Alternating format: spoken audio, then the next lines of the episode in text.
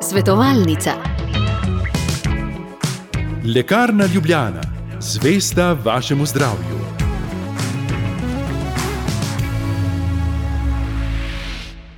Spoštovane poslušalke in spoštovani poslušalci, lepo pozdravljeni. Letošnji maj se počasi bliža koncu. Kot kaže, bo do konca zaznamovan s padavinami, no upam, da se bo še kaj spremenilo v teh dolgoročnih vremenskih napovedih. In to dejstvo vsekakor nagaja večini med nami, saj delo na vrtu stoji.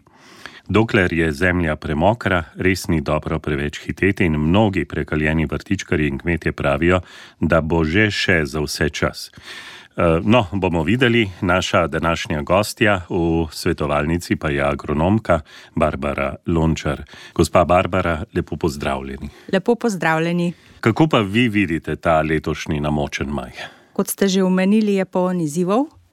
Trenutno so naše nive in vrtovi zelo mokri, tako da ne priporočam, da kaj veliko počnete. Počakajte, da se odteče, malo izsuši in potem opravite tisto, kar ste želeli. Ko smo že pri tej mokroti, pri preveliki namočenosti, letos se dobro kaže, če smo na vrtovih na mejah med gredicami uporabili zastirke, sicer bi stopali v blato, ampak za same zastirke zdaj verjetno še ni čas, bo pa zelo kmalo. Za samo zastiranje trenutno ni čas, bo pa kmalo, ko bo nastopila vročina oziroma vroči dnevi. Zastirka nam omogoča, da so grede vedno pokrite, da čim, ko se tla spraznijo, zasadimo z novo sadiko, jih pokrijemo z organsko zastirko, kot sta vedeti morate, da je uvela trava primerna za zastiranje.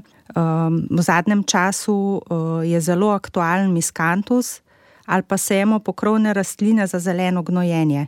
Na ta način absolutno preprečimo rast invazivnih plevelov, sploh v vročini. Poleg tega ima zastirka tudi dodatno dobro lastnost, zmanjša izhlapevanje vode s površine tal, zemlja je bolj odporna proti suši, preprečuje odtekanje vode, kar nam trenutno bolj malo pomeni, ne. Tudi v močnejših nalivih je odlična, preprečuje zbijanje tal in seveda ohranja tla s humusom in s tem tudi rahlost. Zastiranje zmanjšuje nihanje količine vode v tleh, vzdržuje temperaturo, ki trenutno je nimamo za setev vrtnin. Pod zastirko je tudi zemlja bolj rahla, se težje zaskori. Pri dobri zastirki res onemogočimo rast plevelu, rezultat je pa tudi trideset do sedemdeset procentov večji pridelek prav zaradi optimizacije vode in višje temperature tal. Predvsem je pa temperatura tal pomembna pri začetni fazi rasti. ampak zastirk je lahko zelo veliko vrst, ste prej omenili. rekli ste miskantus, večina bolj prisega na slamo, verjetno pa je dobro, da je to čim bolj na drobno sesekljano. Ja, miskantus je sesekljan, slama prav tako. vse je dosegljivo oziroma lahko si priskrbite. Pomagate si pa tudi s svojimi stvarmi, kot je zdravo listje, pokošena ovela trava, pa tudi pleveli so lahko konec koncev zastirka. Samo pazite, da niso že semenili in da praktično pred cvetenjem to opravite. Kakšni so preveč neučakani, pa se potem pleveli še enkrat primejo? verjetno morajo se posušiti, moramo poskrbeti. Da ovenejo, potem pa damo kot zastirko. mogoče samo to, da zastirko polagamo lahko večkrat, sloj, priporočen sloj zastirke je tri do štiri centimetre. ko pride kakšno deževje, recimo kakšna nevihta, se vse skupaj zelo stanjša, torej samo dodamo? Dodamo. Prej ste, gospa Barbara, omenili tudi zeleno gnojenje v povezavi s tem. Recimo zdaj, ko se bo umikala solata, marsikdo razmišlja, kaj bi naprej. ena od možnosti je torej, če prav razumem, tudi zeleno gnojenje, če potem ciljamo na kakšne druge vrtnine, ki jih bomo kasneje sadili na to, leho. Od začetka sva že omenila, ne puščajte praznih mest, ker si s tem zakompliciramo življenje oziroma obvladovanje določenih plevelnih vrst na vrtu. V zadnjih nekaj letih, odkar malo bolj spremljam, je zeleno gnojenje, ki je metoda, ne, zelo aktualno in za, za majhne površine in za velike površine. to so rastline, ki jih posejemo na prazna mesta, ki v sedmih tednih bujno zrastejo in udelamo to zeleno maso v tla, in na to lahko sejemo novo vrtnino naprej. In imamo praktično čez celo sezono pokrito površino, dobra hranila v tleh in s tem tudi boljši pridelek. Zakaj to preprečuje spiranje hranil? Na en način se bojimo, da bodo porabile eh, te rastline hranila, ki so zdaj v tleh in jih potem ne bomo imeli za prihodnje setve. Recimo. Zdaj, znano je, da metulnice vežejo dušik iz zraka. Uh -huh. Ena od teh rastlin, ki je zelo znana, je facelija. Uh, veže dušik iz zraka in s tem dodatno dodaja hranila v tla. So pa uh, križnice, kot so oljna redko, krna repica imajo pa nematodno eh, delovanje oziroma eh, preprečujejo razvoj talnih ogrščic, ki so nevidne, kako bi rekla, nevidni škodljivec v tleh, predvsem na vrtninah. Tako da je zelo pomembno, da ne puščamo praznih površin na vrtu. Kako vi vidite recimo, največje prednosti zelenega gnojenja? Zakaj posegati po tem, zakaj eh, pravzaprav to eh, nekako uvesti v svojo navado? Prej ste rekli, kot spremljam zadnja leta, vse nekako prihaja zdaj bolj k nam. Zdaj, osnovno pravilo je, da, je, da ta odeja varuje tla pred poletno pripeko, jesenskimi nalivi in preprečuje rast plevela.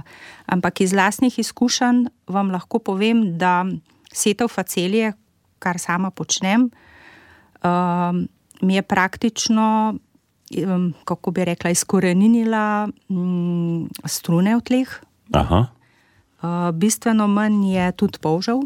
V, moj vrt je nekako na taki bolj, um, kako bi rekla, mok, na mokrih tleh ko sem vrt prejela, je bilo zelo veliko ob štihanju, ne, je bilo zelo veliko eh, strun, trenutno jih praktično ni. Je pa res, da vsako leto, če imam kako, kakršno koli prazno mesto, pa sem facelijo.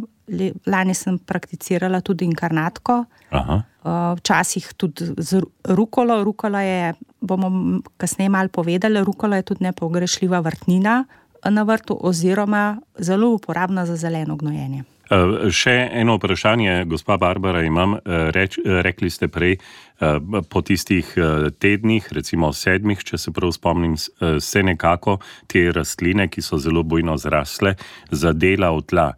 Kaj to v praksi dejansko pomeni? Recimo, kako vi to naredite na vašem vrtu s facelijo? V praksi je to, to tako, da facelijo, ko ima ene deset centimetrov, se udela v tla mogoče se počaka ene kakšen teden ali pa super je tudi 14 dni, da ta zelena masa res odda vse pline oziroma da se razkroji v organsko maso in na to posadimo neko novo vrtnino naprej ali pa lahko tudi pustimo facelijo, da zraste do konca, jo slamo, je slana na to uniči in to spomladi naredimo. Tako da prakticira, prakticiram eno in drugo. -huh. tam, kar rabim pros, prazno. Ne, vem, da ne bom, kaj po planu, vem, da ne, bom, ne bomo nič več sadili, pa se jal pustimo, da zraste do, do višine. Je tudi medovita, medonosna rastlina. E, pametno je tudi, da privablja pač opraševalce za ostale kulture, predvsem za buče pa kumere v poletnih mesecih, kar pa mlado zadelam, da naknadno posejemo te jesenske vrtnine, kot je motovilce, radiči, tudi kakšna kolaraba, repa, karkoli.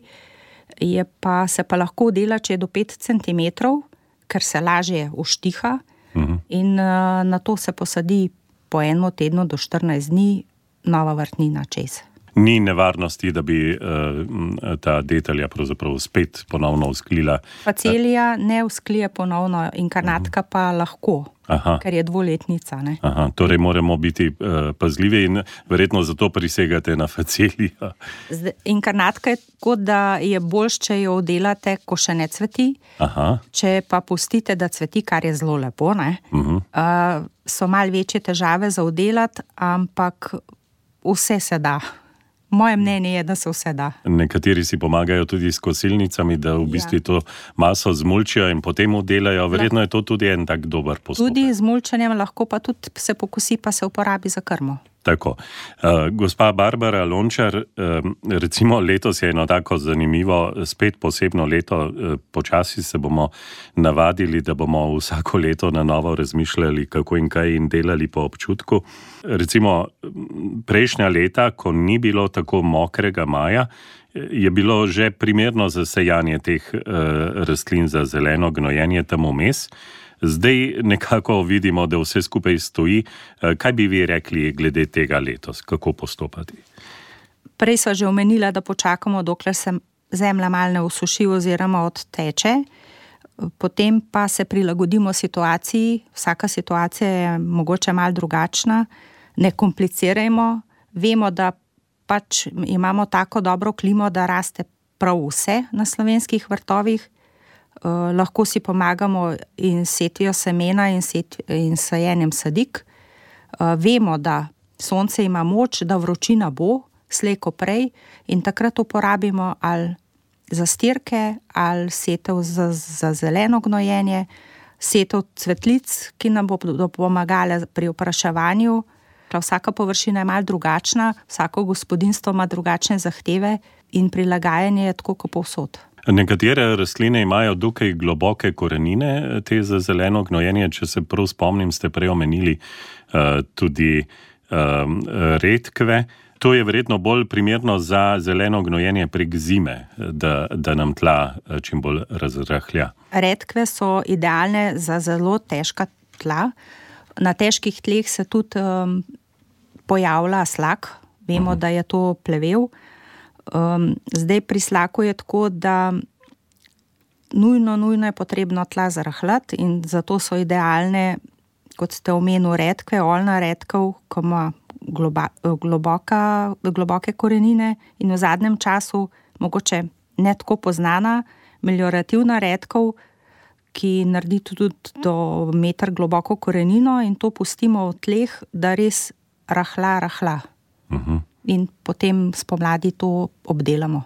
Torej, tudi na vrtovih, ker slišal sem, da to kmetje predvsem uporabljajo. Tudi na vrtovih.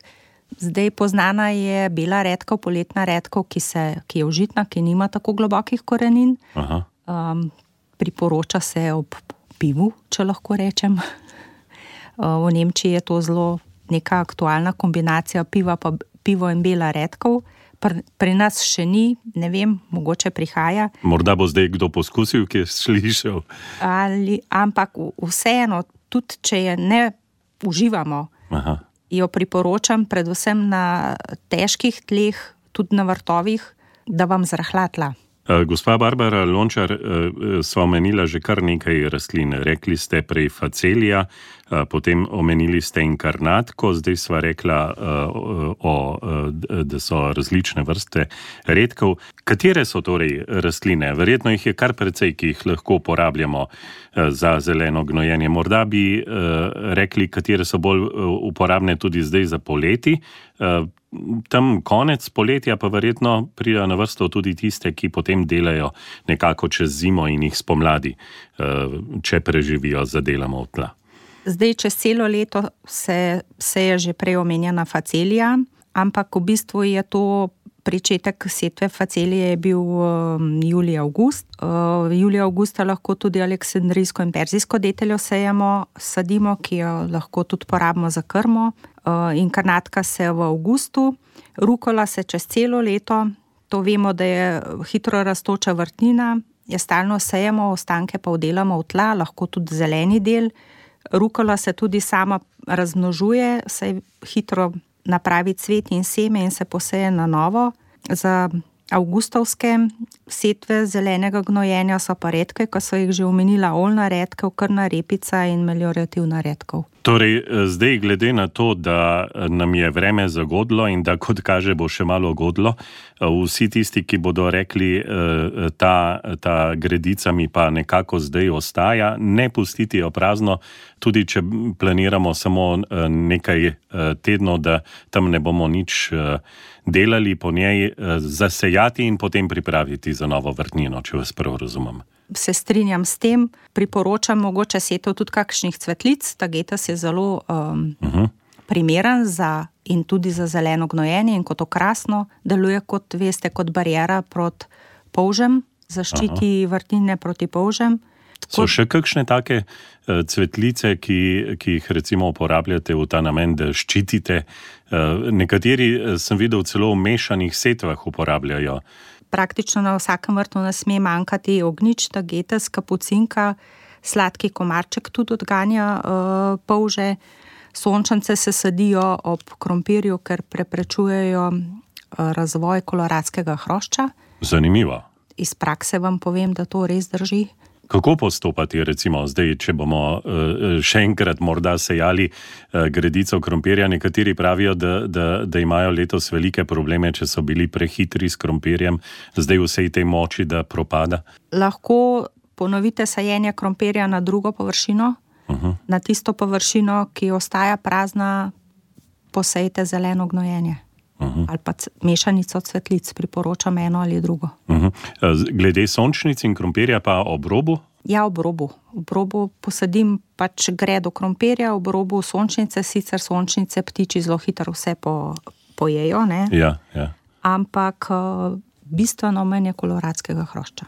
Eh, gospa Barbara, rekli ste, da na vsakem vrtu morajo biti, eh, lahko še enkrat eh, ponovite, se mi zdi, da bodo mnogi si zapisali, ker to res pridejo prav take informacije. Zdaj, moja babica je kamilca, je bila vedno na vrtu. Vpliva na rast in na razvoj ostalih rastlin, izloča kalci, kali in žveplo, kar je zelo pomembno za razvoj vrtnin in tudi pod kasneje začaje. Kapucinka njen von spominja na gorčico, na liste rastlin odlaga svoje jajčice, kaposov belin. Vemo, da bo težava s kaposovim belinom v tem trenutku, ko se bo pač mal ogrel. Um, je pa v zadnjih letih tudi um, zelo dobrodošla v kulinariki, uživajo se njeni cvetovi in se imenujejo tudi slovenske kapre. A, zanimivo. Navad, kapucinka. kapucinka. Uh -huh. Navadni komarček na cvetovih se po, uh, pristaje metulčki in pika polonice, stebla smrdijo polžem. Tagete sposejte res posod, ker ima nemotodno delovanje in um, gosto oblikuje zeleno maso, ki pokriva tla, je tudi dobro skrivališče za polže in nek nekakšna barijera, da ne prehajajo na vrt. Imamo več vrst tagetesa. Bazilika je zelo znana, da se sadi med paradižnik za njegov boljši okus, sončnica posadite med krompir, e, še traje pa klasika, da se sadi med fižol, saj daje fižolu poseben okus in odganja uši. Mhm. Ja, e, omenili ste e, fižol, gospa Barbara Lončar. Če bi bilo normalno leto, se mi zdi, da bi bil zdaj e, fižol že nekako posajen, sploh ker na vrtovih ne znamo počakati na tisti najboljši čas.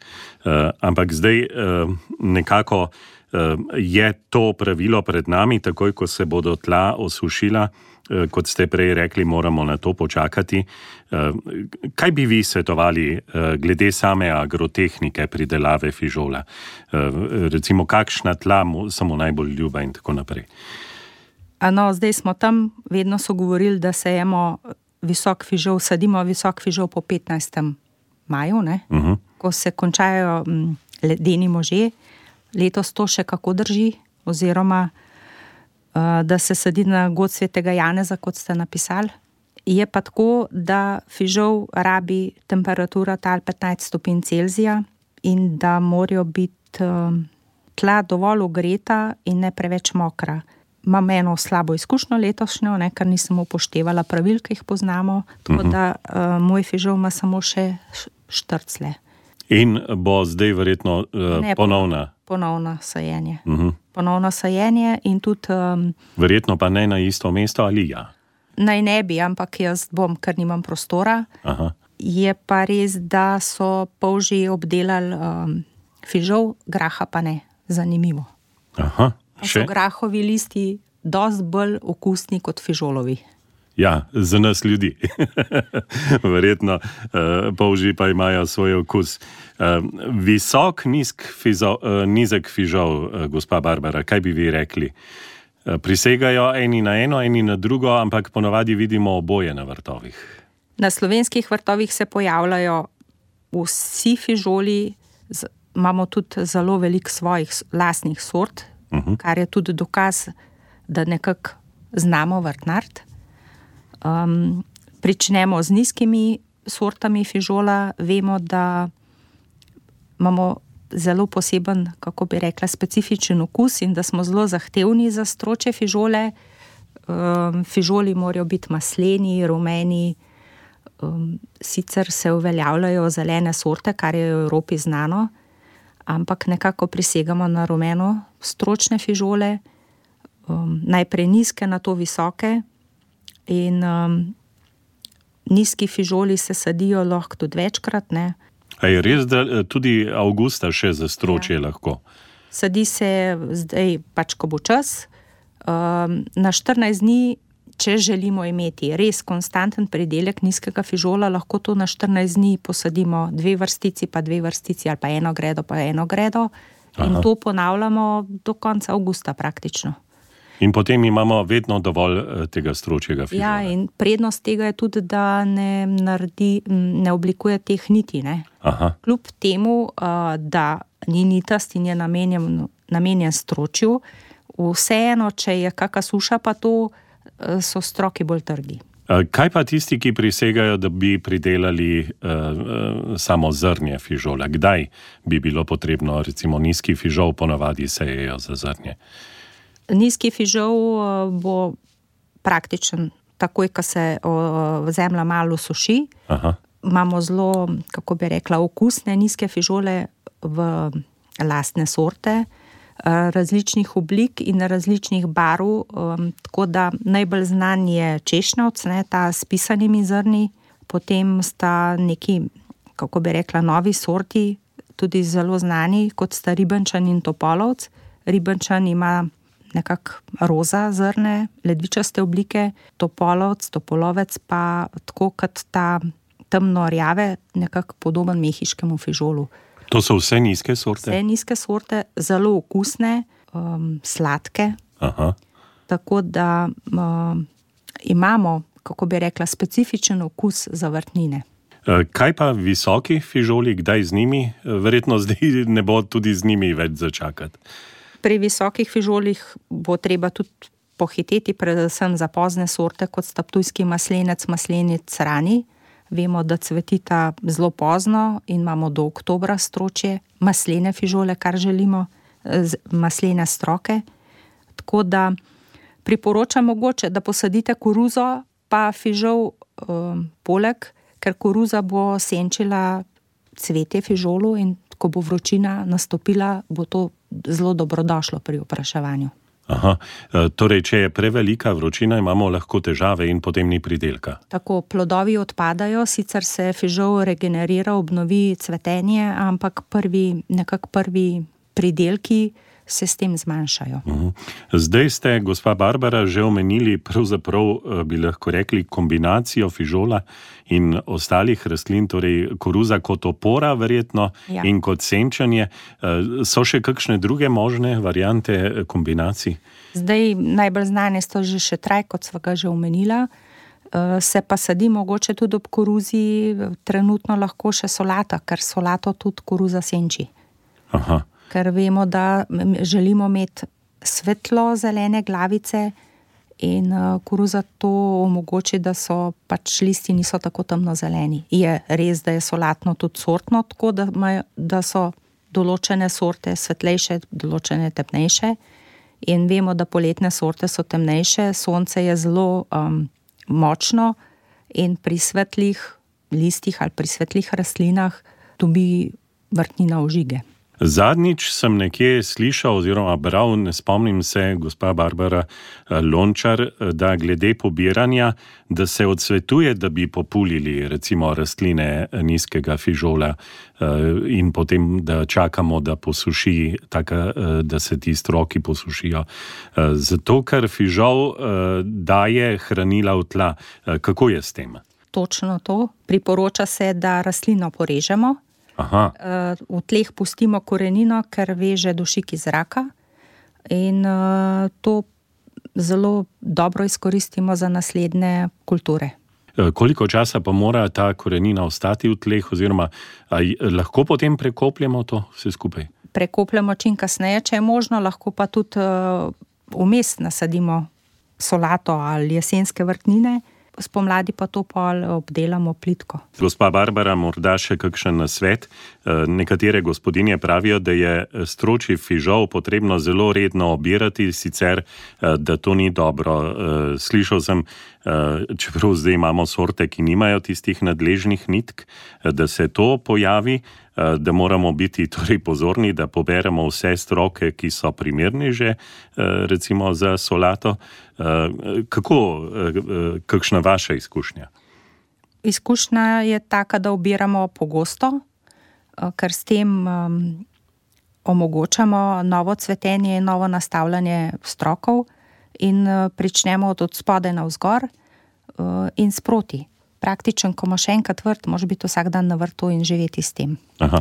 Torej, in pri nizkih sortah, in pri visokih. Za oboje držiti. Uh mhm. -huh. Kaj pa, če nam recimo uidejo stroki? Eh, če nam stroki uidejo, pustimo pa, da strok dozori, pa imamo za mlado zrne. Aha.